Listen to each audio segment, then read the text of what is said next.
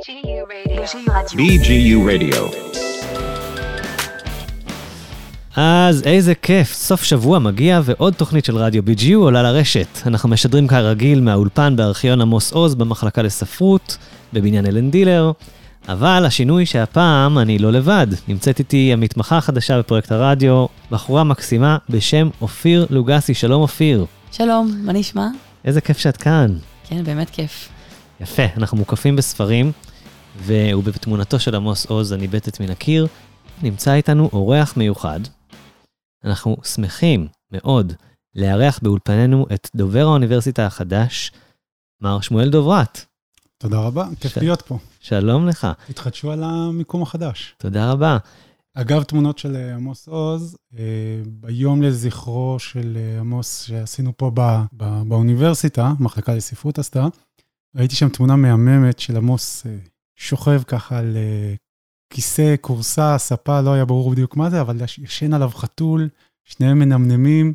זה רגע כזה שאתה אומר, אני מבין מי הוא. איך תמונה, איך תמונה מעבירה אופי של בן אדם, מעניין אם זה היה בסוף שבוע. כנראה.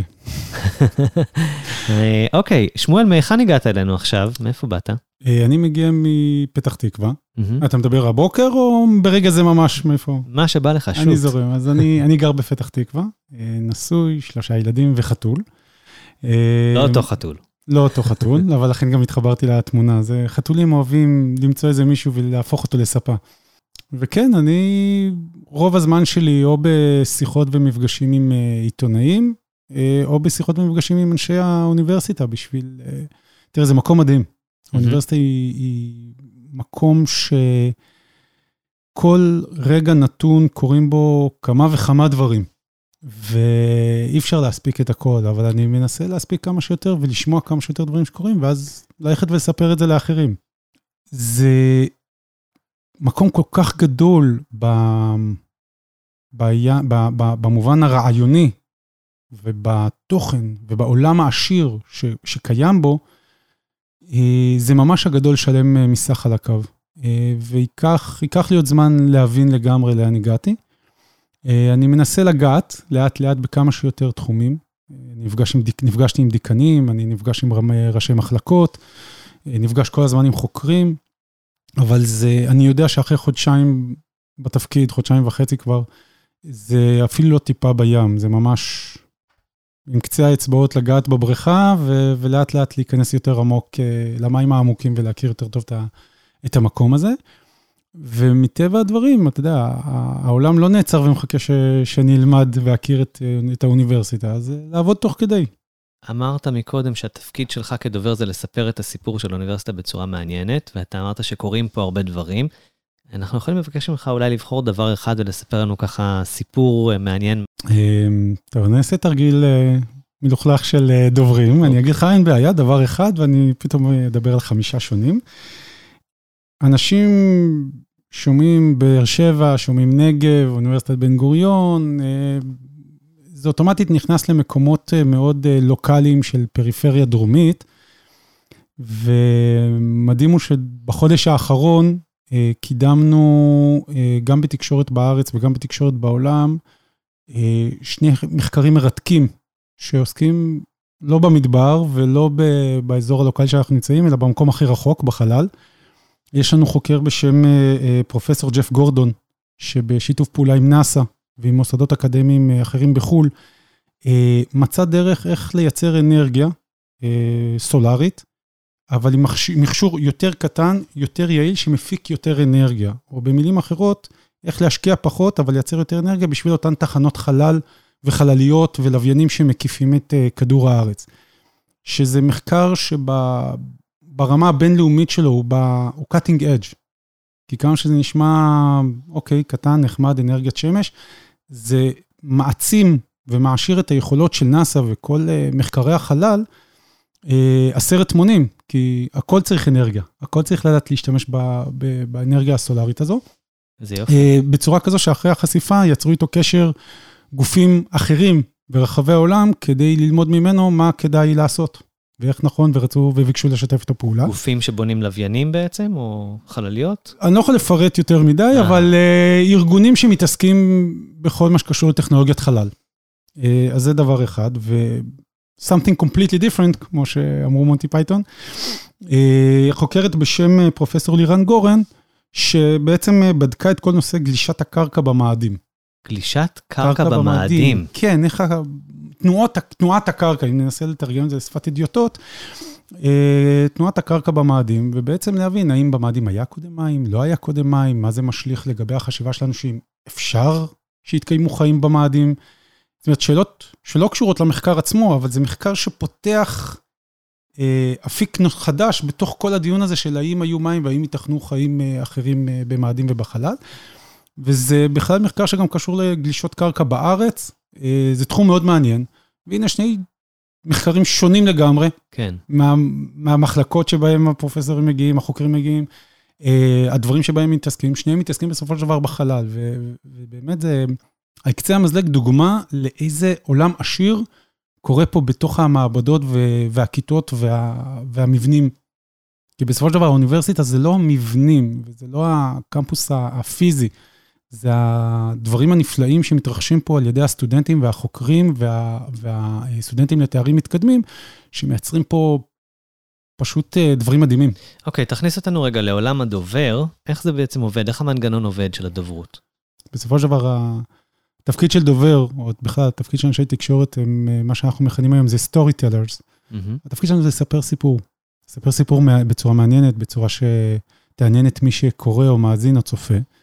אה, ו, ומה שאני, מה שכל צוות הדוברות, זה לא רק אני, אני לא לבד, אבל מה שצוות הדוברות מנסה לעשות, זה לקחת את הסיפור של האוניברסיטה בגדול, אבל גם סיפור של חוקר, סיפור של סטודנט, סיפור של אה, מחקר, או של אירוע שמתרחש פה, ו, ולספר אותו בצורה שתעניין את הקורא, את הגולש, את המאזין, את הצופה, כשבאמצע יש מתווך, שהוא נקרא כתב, עורך, מפיק, אה, בעצם כל כלי תקשורת ההמונים, שהם אה, מתווכים בינינו כגום, כגוף שמייצר תוכן, אה, לבין אותם קהלי יד. מגיע בדרך כלל איזשהו ליד, איזשהו קצה חוט של מידע על מחקר מסוים. לצורך העניין בוא נאמר שזה מהחוקר עצמו, יוצר קשר איתנו, מספר, הוא עומד, בדרך כלל זה קשור לפרסום שהוא עומד לפרסם במגזין מקצועי. אני אומר קודם במאמר מוסגר משהו שיישמע מוזר, הרבה פעמים אנשים מרימים גבה כשאני אומר את זה. אה, חשיפה תקשורתית ודוברות זאת לא מטרה. Mm-hmm. המטרה שלנו היא לא עוד כתבה. המטרה שלנו, המטרה? המטרה של האוניברסיטה זה מחקר, המטרה של האוניברסיטה זה הפרסומים האקדמיים, לא הפרסומים הפופולריים. אה, המטרה של האוניברסיטה זה להעשיר ידע של סטודנטים וסטודנטים לתארים מתקדמים, כדי שהם יהפכו להיות חוקרים, כדי שהם יהפכו להיות חוקרים מצוינים. בעצם, בשתי מילים, המטרה של האוניברסיטה זה מצוינות מחקרית. להיות בין 100 האוניברסיטאות הטובות בעולם לצורך העניין.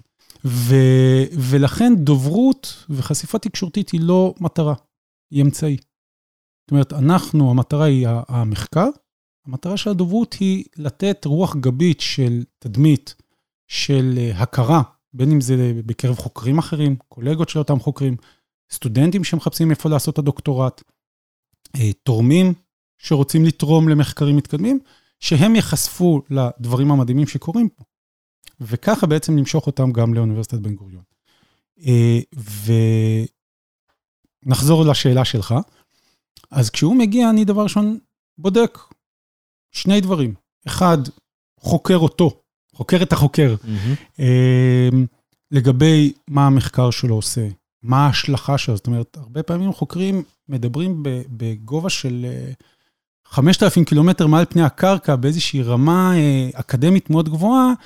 התפקיד שלי זה לשמוע מהם במה מדובר, ובסופו של דבר להסביר את זה לקורא של העיתון או למאזין של הרדיו, איך זה רלוונטי אליו.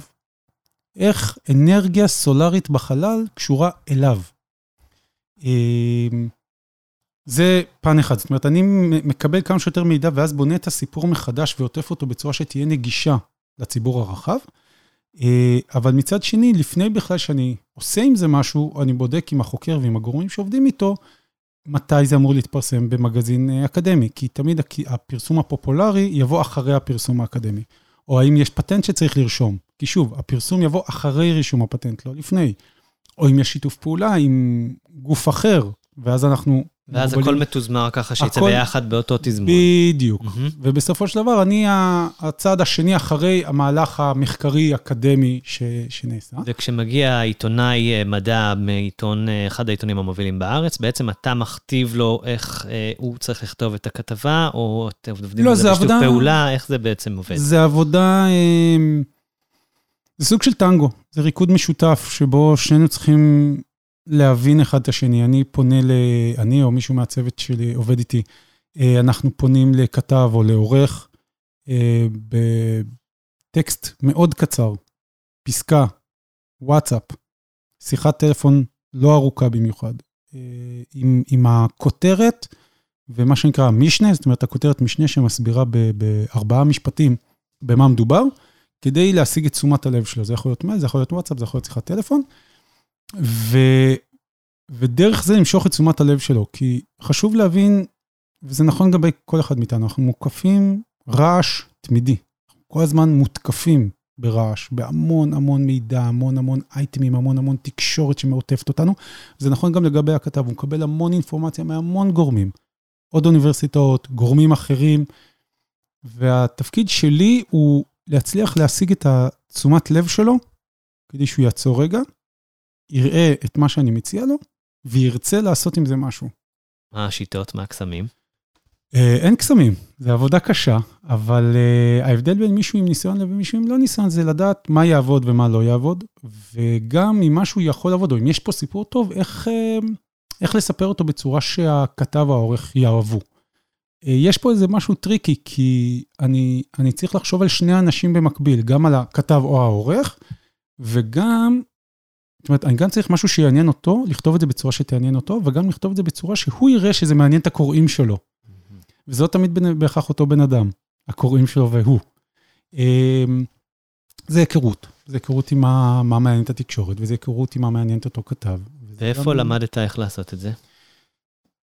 אני גם למדתי את זה ברמה, נקרא לזה האקדמית, וגם בשטח. אה, למדתי תואר ראשון במדעי המדינה ותקשורת, ועשיתי תעודה בעיתונאות ודוברות. למדתי אצל, אה, בתעודה, למדתי אצל מישהי שהיא מבחינתי סוג של הורים ותומים בתחום, נורית דבוש. אה, וזה גם עם אה, המון ניסיון, אני כבר כמעט 15 שנה בתחום. הייתי גם דובר in-house בארגונים, בעיקר ציבוריים. הייתי גם יועץ תקשורת לכמה חברות במקביל במסגרת אה, אה, חברה של אה, פרסום ודוברות. אה, וזה חשוב לבוא עם ידע או עם אה, הבנה תיאורטית, אבל אה, אין שום דבר שמחליף את הניסיון ואת ההשתפשפות ואת הלמידה מטעויות.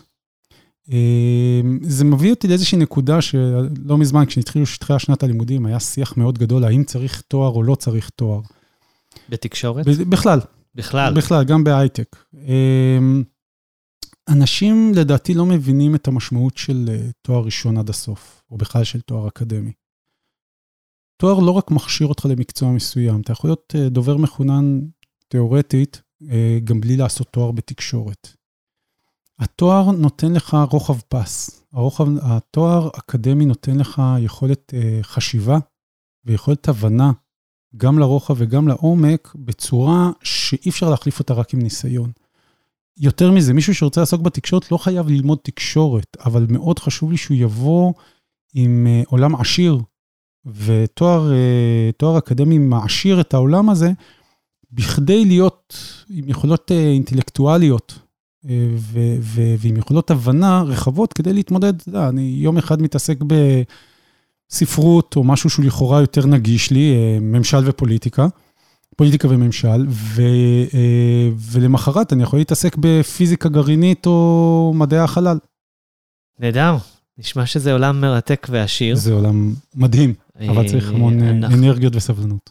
מודים לך מאוד על השיחה הזאתי. שמחתי לבוא. אם אתה יכול להישאר עוד אה, כמה דקות, תוכל לשמוע משהו מעניין, אה, כי בעצם השבוע, כל שבוע מזמינים אותי עכשיו להקליט כל מיני דברים, ואנשים רוצים לשתף פעולה, והשבוע הוזמנתי ל- ב- אה, לאירוע מאוד מיוחד, זה היה פאנל של המחלקה לאומנות דווקא, אה, שזה עוד לא היה לנו, עם אה, פרופסור חיים מאור, מוכר לכם השם הזה?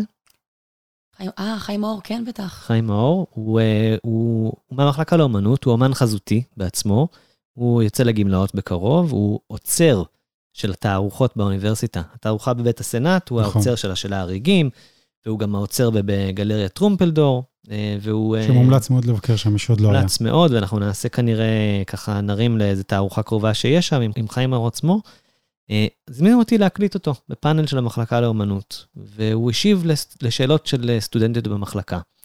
זה היה מאוד מעניין, זה היה שאלות על ציור, ואופיר אמרה לי כאן בהכנה, שהיא אה, חוטאת לפעמים בציור, נכון אופיר? נכון, נכון מאוד. אה, האמת שלאחרונה הייתי בפרויקט אה, ממש משמעותי בבאר שבע, שהוא נקרא צבע בפארק, שזה זה פרויקט שהרשת, אם אתם מכירים, היא ארגנה אותו. ארגון הצעירים של באר שבע. כן, נכון.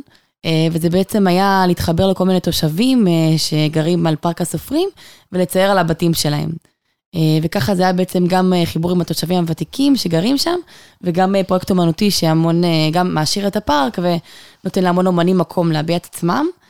אה, אז אני ציירתי שם איזה ציור, כתבתי קטע משיר של שימבורסקה, כלת פרס נובל, וציירתי שם הודיות יושבות על שפת הנהר, ומין ציור של נוף כזה. זה, זה היה ממש חוויה מדיט, מדיטטיבית אפילו. אה, כל ה... זה ציור מאוד מאוד גדול, זה לקח המון זמן ליצור אותו, וממש אה, היה כיף להיות חלק מהפרויקט. וואו, בעיניי זה, תראה, בעיניי זה מדהים, כי אני תמיד מעריך יכולות של אחרים שאני יודע שלי אין. אם אני מתבקש לצייר, אז זה נראה כמו ציור של... הילדים שלי מציירים יותר טוב, בואו נאמר ככה. יש לי ילדה בת שש, אה, כבר עכשיו הכישורים האומנותיים שלה בציור אה, פי אלף יותר טובים משלי, אז זה אה. בכלל משהו שאני מה, מה היא מעריך. מציירת? באיזה סגנון? אה, תשמעי, בת שש, זה אקלקטי עדיין, אבל אה, בעיקר צבעים ודף, אבל היכולות של לקחת אה, רעיון מהמוח, להעביר אותו דרך היד אל דף, זה בעיניי כישרון אה, עצום. כי בעוד שאני לוקח רעיון ומדבר אותו, או כותב אותו, אבל הכל נשאר בסופו של דבר בתוך המילה, בין אם היא הכתובה ובין אם היא הנאמרת, אה, היכולת לצייר, זאת אומרת, לקחת רעיון, מחשבה, רגש, ולהעביר אותו לאימג', אה, בעיניי זה, זה כישרון, אה, זה מתת אל. אה, אני אומר את זה גם בתור מישהו שנשוי למישהי שמציירת. אה, אשתי אומנית, היא מעצבת גרפית, אבל היא גם מציירת מדהים בעיניי. אה, וואו. אז... אה, מציגה גם תערוכות? לא, או- היא הלכה פשוט לעולם של העיצוב גרפי ועובדת בזה מאוד אה, קשה. וואו, איזה כיף. אה, אבל כן, כן, בעיניי זה יכול להיות אה, מדהימה. אשתי קוראת לי הבת שירות של הבית. אני אעשה את כל הציורים. אתמול ציירתי את אולף בשעת לילה מאוחרת, אולף מאנה ואלזה. כן. אז אם אני הייתי מצייר את אולף, זה היה נראה כמו כתם לבן על דף לבן. אם אתה מכיר את לבן על לבן, יש יצירה כזו. כן, פעם זה היה צייר לי כבשה, היום זה צייר לי אולף. כן. אופיר, בתור מישהי עם ניסיון בציורים, הייתי שואל אותך עכשיו, אם יש משמעות לחומר שעליו את מציירת. מה היית אומרת לי? אה, כן, אני חושבת שיש המון משמעות, אה, גם מבחינת אה, התוכן של מה אתה מצייר. אה, יש דברים שהם אה, יותר מתאימים לציור, לציור אה, שמציירים על חומרי גלם, על עץ.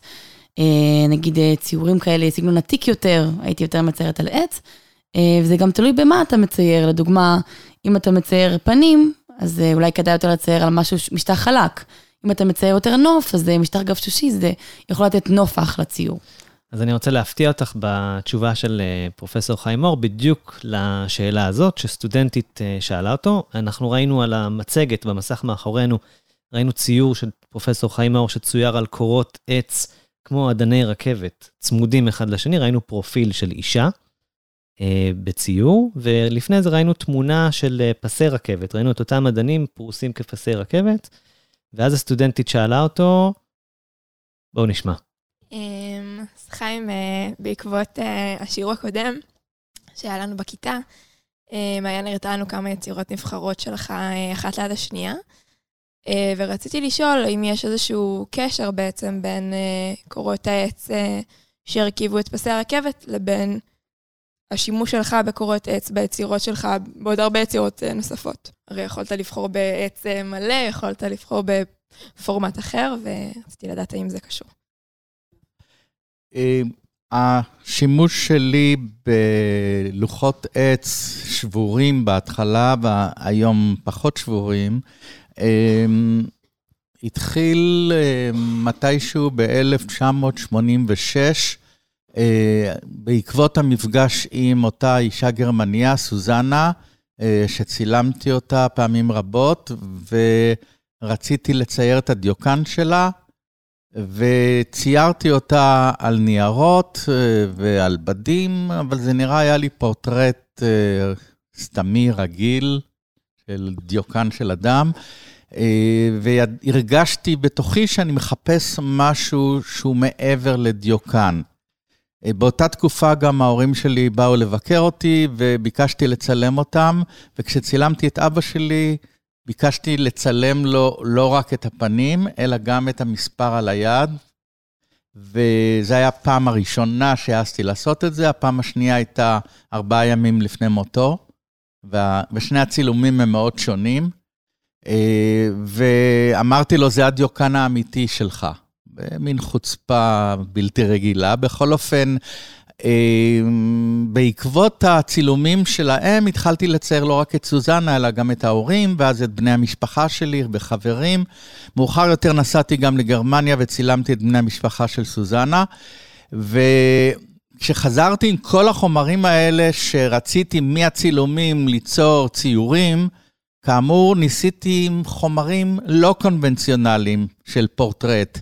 אה, לא נייר או בד, אלא ניסיתי על אה, חומרים אחרים, אה, אפילו על זכוכית, על מתכת, על דלתות של לוקרים כאלה. ולא הייתי מרוצה מהתוצאה. ואז יום אחד, באותה תקופה, הרחיבו את הבית שלנו, והיו משטחי עץ, כאלה משטחים שעליהם היו בלט, בלטות ובלוקים, ולקחתי אחד מהם וציירתי עליו פורטרט של אה, אישה שהייתה מין סבתא מאומצת שלנו, והתחלתי מלצייר את הרקע. פשוט צבע כחול של הרקע, וכשהסתכלתי על העץ, ראיתי שהפנים שלה מגיחות מתוך הטקסטורה של העץ. אה, ומאוחר יותר גיליתי שבדיוק במקום של העיניים, לוח העץ היה רקוב.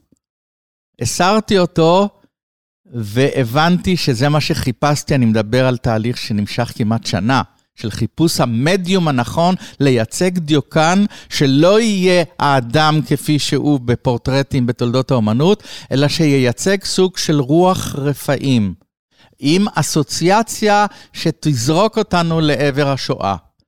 אה, אני מדבר על 86-87, כשהנושאים של עיסוק בשואה היו ברמה של טאבו בחברה הישראלית ובאמנות הישראלית, ואני מצייר את אותה אישה זקנה ומגלה פתאום שלוח העץ הזה עם הפסים שהחזיקו את הלוחות, מזכיר לי פשוט את קרונות הרכבת אה, מהעץ ואת האנשים המציצים דרך ערכי הרכבת, וכמובן גם את מסילת הברזל. וברגע שההבנה הייתה אני ממש, יש לי עכשיו צמרמורת, כי אני נזכר במוצאי שבת שאני מסיים את הציור, 12 בלילה, ואני יודע שזהו, מצאתי את הפתרון. אחר כך זה כבר היה תהליך של חצי שנה לצייר עשרות ציורים של כל בני המשפחה שלי ושל סוזנה על לוחות העץ השבורים. כאשר אני מסדר את לוחות העץ כך שהטקסטורה של העץ תיצור בעצם דיוקן שמגיח מתוך הרקע. אה, וכמובן הופך לסוג של הדמיה של דמויות מן ההווה כדמויות של רוח רפאים מן העבר, העבר של השואה. אה, בעצם זה היה הטריגר, ובסופו של דבר הוביל אל התערוכה במוזיאון ישראל, פני הגזע ופני הזיכרון. כלומר, לוחות העץ הם סוג של זיכרון. מאוחר יותר גם גיליתי שבעצם כבר עשו דברים כאלה בפיום, בתקופה הרומית במצרים, כך שזה היו באמת מסכות מוות, ותחשבו שאני מצייר בני משפחה וחברים יקרים לי, אבל שהם נראים כמו אנשים מתים. אה, אז זה לגבי העץ, שכמובן התרחב אחר כך למדיומים נוספים של לוחות עץ אבל שלמים, מעוקצעים, היום לוחות עץ אורן, שאני נותן לעץ לדבר, אני צריך להיות קשוב ובעצם רק לסמן כמה דברים כדי שהדמות שכבר קיימת שם תצא החוצה. זה כמעט כמו המשפט של מיקלאנג'לו, שהפסל, האבן נמצא בתוך האבן, רק צריך לנקות קצת כדי שהוא יצא החוצה. אז זה מה שאני עושה, זה המון הקשבה לעץ. פעם אני תכננתי את הלוחות כדי ליצור את הדיוקן, היום אני פשוט קונה לוחות מוכנים ופשוט מסתכל הרבה זמן עד שפתאום אני מוצא איפה הדמות תהיה. טוב, היה מעניין מאוד לשמוע את פרופסור חיים מאור, נכון? בהחלט. וואו. לפני שניפרד, נשלח אותך לעבודת הדוברות החשובה. אנחנו רוצים לספר לך שתדע בתור הדובר מה עובר עלינו. בהחלט. אז תדע לך שנפתחה הכשרה לסטודנטים, אה, גם כאן וגם בשדה בוקר. אנחנו מדברים על בערך 25 שדרנים חדשים, שמצטרפים ממש בסיום ההכשרה שלהם בעוד מספר שבועות עם שלל תוכניות, למשל, תוכנית היכרות עם חוקרים וידע באוניברסיטה, תוכנית ללימוד שפות, תוכנית ספורט בינלאומית, תוכניות מוזיקה שונות, תוכנית הכנה ללימודים באוניברסיטה, תוכנית של אגודת הסטודנטים, ועוד שלל תוכניות מגניבות. לגמרי. כיסית כמעט את הכל. אה, בשבועות האחרונים כבר הקלטנו, עוד לפני שהשדרנים החדשים הצטרפו, אז כאן בחדר הזה הקלטנו כמה תוכניות אה, חמודות עם נציגים של קהילות שונות מהאוניברסיטה. למשל, השבוע הקלטנו תוכנית עם קהילת מדעני המוח. אה, הייתה תוכנית לפני שבוע עם אה, דוקטור ארנון שטרום, שעושה את החדשנות בשירות הציבורי. לפני שבועיים עשינו תוכנית עם הנציגים של קהילת הביומד-טק וה-MSIH, הבית ספר הבינלאומי ללימוד הרפואה, שהם עוסקים יחד בפתרונות טכנולוגיים לרפואה בעולם השלישי, זה היה מרתק. ובנוסף לכל אלה, חברו אלינו פודקסטרים פעילים מבאר שבע, שהם כבר מצטרפים, אחד מהם למשל הוא כבר מפרסם הרבה, קוראים לו אוריאל אופיר, הוא עושה פודקאסט מהמם על יזמות חברתית בדרום, ממש מומלץ לשמוע. כל אלה מצטרפים לתוכניות שכבר יש לנו, הוותיקות, משדה בוקר, שפועלות כבר uh, שנה שנייה. אז מאוד מאוד שמח אצלנו, מאוד מרגש. מאוד מרתק, עשיר. עשיר בתוכן, וגם אי אפשר, קשה מאוד לתפוס את הכל, אנחנו מכוונים כל תוכנית ל, לפלח מסוים. אנחנו לא, אין לנו שאיפה שאנשים ישמעו את כל התוכניות, זה בלתי אפשרי, אני לא מצליח לשמוע הכל. אבל, אה, אבל כן, אה, כל, אנחנו מנסים לעשות ככה שכל אחד יוכל לקבל מענה לתוכן שמעניין אותו בתוך הרדיו. נשמע מרתק. וכבר... נשמח להאזין. בשמחה, אנחנו נשלח לך את כל הלינקים, אנחנו גם uh, שולחים את הלינקים בקבוצת וואטסאפ יהודית פעם בשבוע, וגם בקרוב נפתח פייסבוק וערוצים נוספים. אנחנו עדיין בתקופת הרצה, בונים את התוכן, בונים את הצוות, אבל בקרוב מאוד. Uh, כולם ישמעו BGU רדיו. בהחלט. איך זה נשמע לך? נשמע מצוין. יש לך רעיונות נוספים? בתור אה, דובר, יועץ תקשורת, איש עם ניסיון? Uh, בתור יועץ תקשורת, איך לתקשר את הרדיו או עוד תכנים לרדיו? מה שבא לך. אני חושב שבבית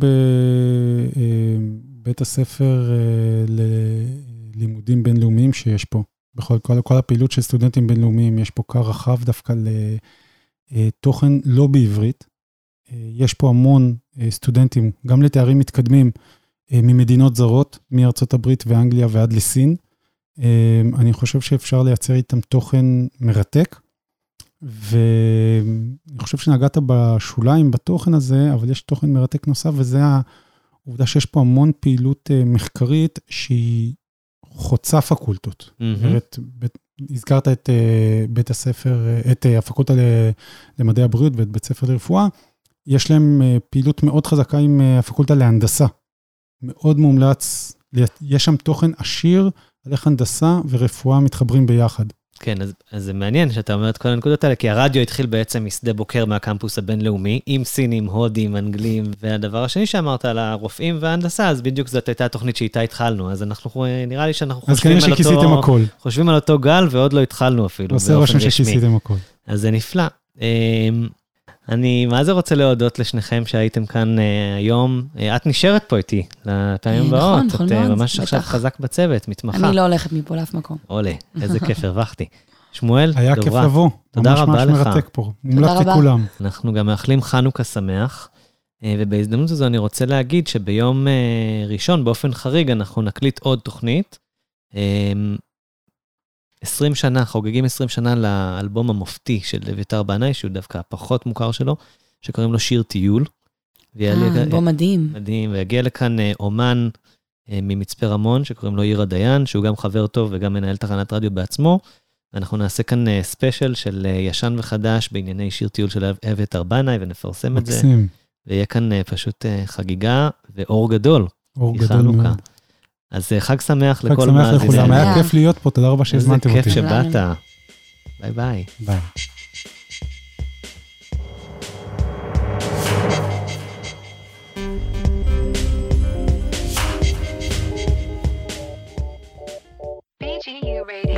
BGU Radio.